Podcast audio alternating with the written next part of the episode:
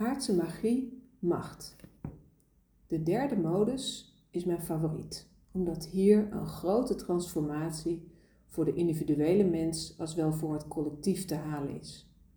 Het betreft de illusie van dualiteit, die in essentie een polariteit is waarvan mensen in vrijheid gebruik kunnen maken.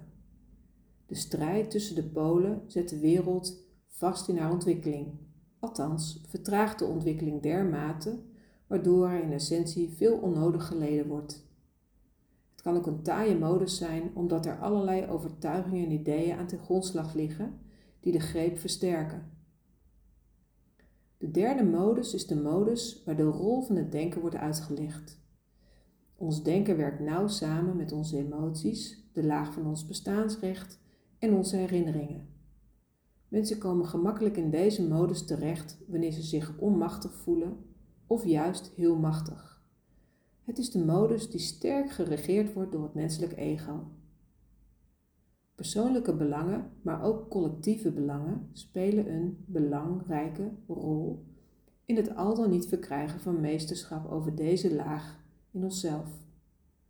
Tijdens de lesdag kun je je verdiepen in de werking van polariteit en dualiteit toegepast op je eigen leven. Het biedt je alle gelegenheid dualiteiten te transformeren daar waar ze jou belemmeren. Dit geeft veel ruimte in je systeem en de vrijheid om nieuwe keuzes te maken. In de lijn van onze historie heeft de kracht van deze modus ons ook veel gebracht. De heldere denkkracht van het menselijk brein heeft vele innovaties gesteund en de wetenschap een gigantische slinger gegeven.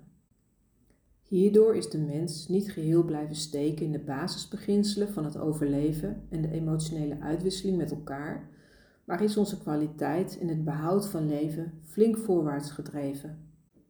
Ons menselijk systeem heeft zich daarmee ook kunnen doorontwikkelen en heeft ons de gelegenheid geboden om met behulp van nieuwe chakra's vervolgstappen te maken in de evolutie van aardemens naar kosmisch mens.